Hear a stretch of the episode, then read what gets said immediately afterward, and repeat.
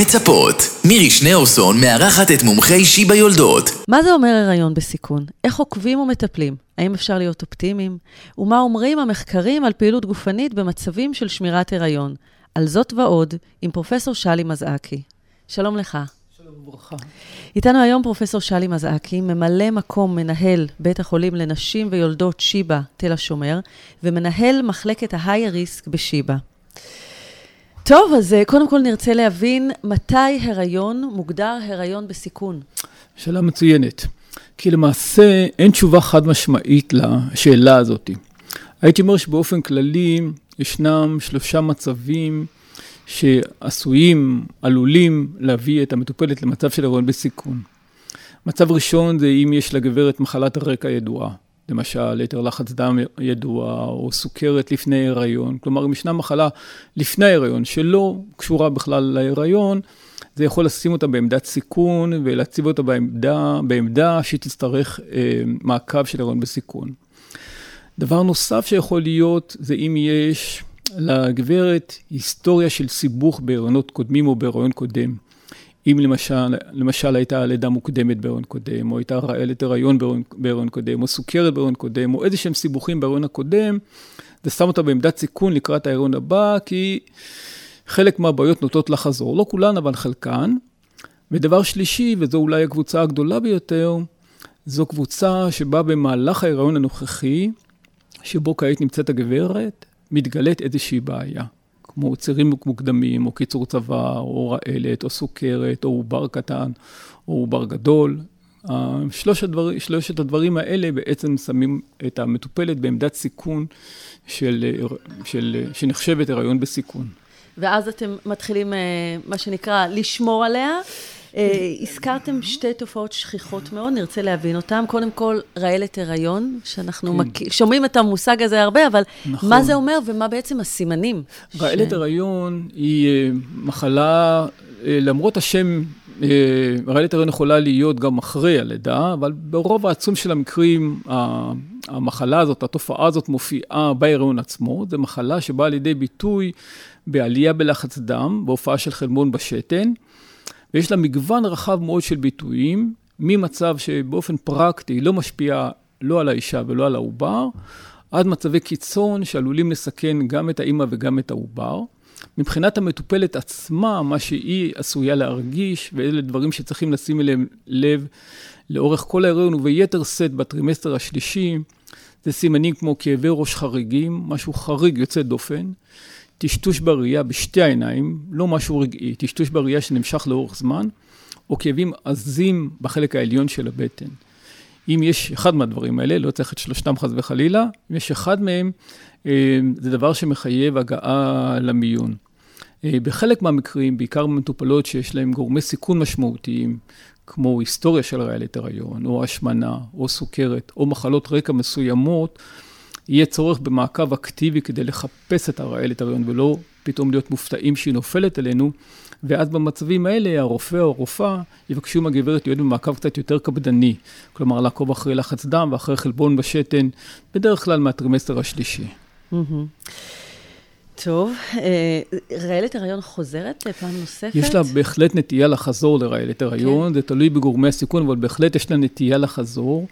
ככל, הייתי אומר ככלל, ככל שהרעלת הריון מופיעה בהריון מוקדם יותר, וככל שהיא חמורה יותר, כך גדל הסיכוי שהיא תחזור. שהיא תחזור. אם כי, שוב, ישנ, ישנם היום אמצעים להוריד את הסיכון שהם יחזרו. אין לנו כיום דרך מאוד מאוד טובה לחזות למי תהיה רעלת הריון ולמי לא. אין לנו דרך מאוד מדויקת, אין לנו דרך להגיד עבור גברת זאת וזאת, הסיכון הוא כך וכך במספרים, אבל יש לנו הערכה. ויש טיפול שיכול להוריד את הסיכון שיחזור. ולכן נודעת חשיבות רבה מאוד למי אה. שהייתה לה רעלת הריון, גם אם הרעלת הייתה קלה וגם אם היא הייתה במועד, כי מי לידינו יתקע שבפעם הבאה זה באמת יהיה כך, אנחנו לא יודעים, זה יכול להופיע בשלב מוקדם ויכול להיות מצב מסוכן. במקרים האלה, אם הייתה כבר רעידת הריון, מאוד חשוב להגיד את זה לרופא או לרופאה המטפלת, וזה לכשעצמו שם את הגברת בעמדת סיכון או במצב שהוא מצדיק מעקב של מרפאת הריון בסיכון. כן. אנחנו מכירים uh, תופעה נוספת ששכיחה, וזה צירים uh, מוקדמים. ממה הם נגרמים ואיך אפשר לטפל בהם? אוקיי, אז אחת הבעיות העיקריות שיש לנו בעצם במילדות, שזו בעיה שלא הצלחנו למצוא לבעיה, לא הצלחנו לבעיה הזאת פתרון משמעותי, זה הנושא של לידות מוקדמות. לידות מוקדמות היא, היא צרה צרורה, שלמרבית הצער, אני, אני חושש שהציבור, גם הציבור הכללי וגם מקבלי החלטות לא נתנו את דעתם מספיק על, ה, על הבעיה הזאת. זו בעיה שהיא, א', במקרים קיצוניים יכולה ממש לפגוע ב, בילודים, ויכולים, והיא עלולה לפגוע גם בכל, ה, בכל המערך של המשפחה. אם חס וחלילה נולד תינוק לפני הזמן, זה מצב שעלול לפגוע בתינוק, בילוד, לאורך כל חייו, ולהשפיע כן. על כל ו- המעגלים. וגם משבית את, ה- את האימא, בטח ובטח, בתקופה הראשונה. את האימא, את האבא, את הסבא, את הסבתא, את הדודה, את האחים אם יש, את כולם. לכן זו באמת בעיה שהיא בעיה מאוד מאוד משמעותית. אה, הסיבות הן מגוונות, ישנן מספר סיבות שיכולות להוביל למצב של אה, לידה מוקדמת. זה יכול לבוא לידי ביטוי, כמו שציינת, בצעירים מוקדמים, חלק מהרחמים, מסיבות שהן עלומות לנו, אני מוכרח להגיד, נוטים לעשות צירים, והצירים האלה יכולים להוביל לקיצור, של, לקיצור הצוואר. זה עיקר בעיה בהיריון ראשון, כי הרבה פעמים בהיריון ראשון מטופלות לא, קשה להם לזהות את הצירים בהיריון ראשון. Mm-hmm. זה יכול להיות בעיה בצוואר הרחם, לפעמים צוואר הרחם, צוואר הרחם זה האיבר שאמור לסגור את הרחם ולמנוע לידה מוקדמת. לפעמים מסיבות, שוב, עלומות, הוא לא אוחז טוב את הצוואר, ואז הצוואר נפתח טרם זמנו. וישנן גם בעיות אחרות אה, שיכולות לגרום ללידה, ללידה מוקדמת, כלומר, יש פה מספר מצבים שיכולים להוביל לאותה תוצאה של לידה מוקדמת. יש לנו היום מספר אמצעים שיכולים להוריד את הסיכון ללידה מוקדמת.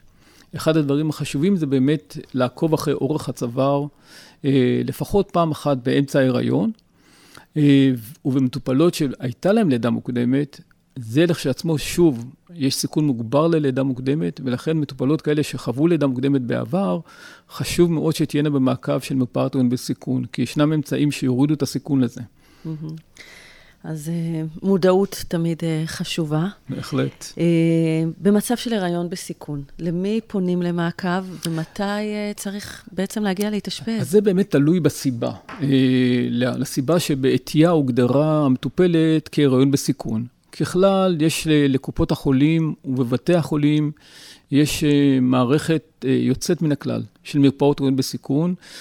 יש את הבירוקרטיה הישראלית שאנחנו מכירים אותה, זה לא פשוט, לפעמים צריך להתגבר על מכשולים, אבל שוב, מטופלות שחוו סיבוכים בהיריון, או שיש להן מחלת רקע, או שיש להן סיבוך בהיריון הנוכחי, אני בהחלט מציע להן לא לוותר. זה הבריאות שלהן, זה הבריאות של הילד שלהן, זה הבריאות של המשפחה.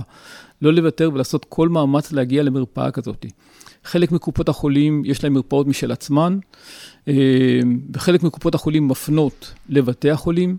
ישנם מספר מצבים שדורשים מיומנות מיוחדת, שהמעקב באופן פרקטי נעשה כמעט אך ורק בבית החולים.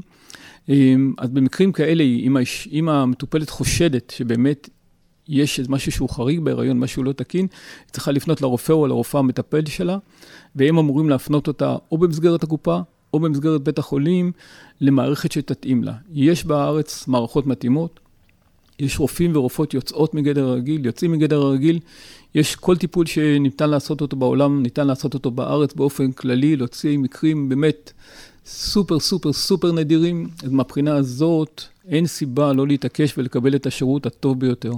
אז בואו בוא נדבר על... uh... על המחלקה שלכם, כמי כן. שמנהל את מחלקת האייריסק בשיבא, מה לדעתך מייחד אותה והופך אותה למחלקה הטובה בארץ בתחום הזה? אני, אה, אני לא חושב שמישהו עשה אולימפיאדה של מחלקות, אז אני, אני קצת מרגיש לא בנוח עם, ה, עם ההגדרה הזאת, אבל המחלקה שלנו היא בהחלט מחלקה מאוד מאוד טובה, היא מחלקה מאוד מאוד גדולה. אה, אני חושב שמה שמייחד את המחלקה זה צוות, אה, צוות סיעודי שיוצא מגדר הכלל, למעלה מ-90% מהאחיות שלנו הן מיילדות. כלומר, אה, נשים שמגיעות לכאן למחלקה מטופלות על ידי מיילדות.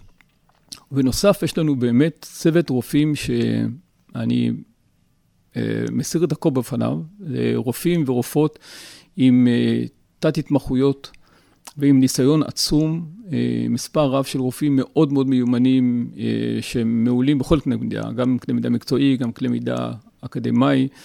וגם אה, רופאים ורופאות אה, מאוד מאוד נחמדים.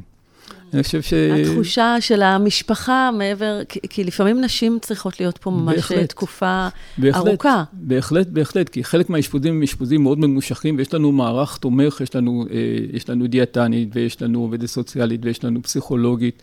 ועוד דבר שיש, וזה דבר מאוד מאוד חשוב, יש לנו את כל הגב של שיבא מאחורינו. אז אם ישנם סיבוכים שהם סיבוכים נדירים, למשל אנשים חלילה עם בעיות לב קשות, או חלילה גידולים לא עלינו, או בעיות מעין אלה, יש את המערך של שיבא הגדול, mm-hmm. שיודע לתת לנו את הרופאים הכי טובים בשיבא ולעזור לנו, וזה מעשה כמעט של מדי שבוע, שאנחנו יושבים עם רופאים מדיסציפלינות אחרות ומדברים על מטופלות שלנו, וככה מטופלות נהנות בעצם מכל העולמות, גם מהמחלה הבסיסית, לתת להם את הטיפול המושלם, וגם מבחינת ההיריון. כן. בעקבות אה, מחקר שעשית, שמדבר על אה, פעילות גופנית במצב של אה, שמירת הריון, איזה המלצות אתה יכול לתת לנשים במצבים האלה? הרבה מאוד פעמים, זה דבר מאוד מאוד נפוץ, ודבר שמאוד מאוד הטריד אותי באופן אישי, הרבה מאוד פעמים ההנחה המובלעת כשישנם סיבוכים של הריון, בעיקר סיבוכים כמו נניח הפלות או לידות מוקדמות, האשמה מתגלגלת לפתחה של האישה. מאשימים תמיד את, ה, כן. את האישה. ובדרך כלל אומרים לה, תנוחי. אולי לא נחת מספיק. בדיוק. אז הרבה מאוד פעמים אנשים מאשימות את עצמם. הרמתי, סחבתי, התאמצתי, ובגלל זה קרה מה שקרה. בגלל זה הייתה לידה מוקדמת, בגלל זה עובר קטן, בגלל זה עובר גדול, בגלל זה הייתה הפלה. ואם האישה לא, מש... לא מאשימה את עצמה, תמיד יש נשמות טובות שעוזרות לה להגיע למסקנה הזאת. זה דבר שמאוד מאוד הטריד אותי, כי מבחינה, מבחינה רפואית, מבחינה מקצועית, הדבר הזה הוא, הוא הבל הבלים. אה, ומה שאנחנו עשינו, אה, עשינו מחקר אצלנו במחלקה, ובדקנו אה, מטופלות עם, שהן נמצאות בסיכון מאוד מאוד גבוה ללידה מוקדמת. כלומר, מטופלות שהתאשפזו עם צוואר מאוד מאוד קצר, צוואר רחם מאוד קצר, שזה סימן, סימן, או נגיד גורם סיכון מאוד מאוד גדול ללידה מוקדמת, וביקשנו מהם לעקוב אחרי מספר, מספר הצעדים שהן עושות. נתנו להם צמיד, שעקב אחרי התנועות שלהם, בלי שהן שמות לב לזה. בדקנו כמה הן באמת הולכות, תכלס, כמה הן הולכות. בלי סיפורים, מדד אובייקטיבי. ומה שגילינו להפתעתנו, זה ככל שהאישה הלכה יותר, הסיכוי ללידה מוקדמת היה יותר קטן, לא יותר גדול. וואו. כן, עתידנות באמת, אה, וואו. בתחום ה... בהחלט, ולכן מדהים. אנחנו, בהחלט אנחנו אומרים, א', מבחינה הזאת, נשים צריכות לדעת לא לקחת את האשמה על עצמן, ממש לא. כן. זה מוכח מדעית שזה ממש לא ככה, ולא צריך לגעור בנשים, ובעצם כשאת אומרת לאישה לנוח, את בעצם אומרת, אומרת לה, אוקיי, זה קרה בגלל שלא נחת. וזה, זו, בגלל שלא היית בסדר ולא שמרת על. התינוק שלך. לא ופתאום אמת. מגלים שדווקא לא. הפעילות הגופנית היא זאת שכן תשמור נכון, אני לא ותגן אומר, עליה. אני לא אומר לרוץ ולהתאמן למרתון, כן. אבל בטח לשכב במיטה רתוקה למיטה כל היום, אין שום מצב בהיריון שזה עוזר. וואו. אף מצב. באמת אה, שינוי אה, בגישה, וזה שינוי אה, מרענן, וזה רק מראה איזה ניסיון יש אצלכם במקרים מורכבים הרבה יותר. אז יש הרבה תקווה, אפשר לראות אור בקצה המנהרה, גם במקרים המורכבים ביותר. איזה סיפור אה, מרגש אה, ממשהו שקרה לאחרונה? האמת שהמחלקה, המחלקה להורים בסיכון באמת מקום שבו מתרחשים ניסים, כמעט אה, על בסיס יומי. ולפני יומיים ביקרה אותנו מטופלת שילדה תינוק בשבוע 32, תינוק ששקל 630 גרם, והגיע אלינו אחרי שכמובן יעצו לה לה להפסיק את ההיריון, כי בשלב מאוד מאוד מוקדם העובר כמעט לא התפתח, ואמרו שאין סיכוי ואין תוחלת. והתינוק הזה הוא כבר בן שנה, וגדול, וחזק, ונהדר. אה, שבוע. שעבר ילדו אצלנו שתי שלישיות. אמ, אז יש לנו באמת ניסים גלויים על בסיס יומי כמעט. כן, אתה ממשיך uh, להתרגש, uh, בהחלט. למרות הניסיון. תודה רבה לך, פרופסור שלי מזקי, ממלא מקום מנהל בית החולים לנשים ויולדות שיבא, תל השומר, ומנהל מחלקת היי ריסק בשיבא, שתמיד יהיה בשורות טובות. אמן. מזל טוב. אמן, אמן.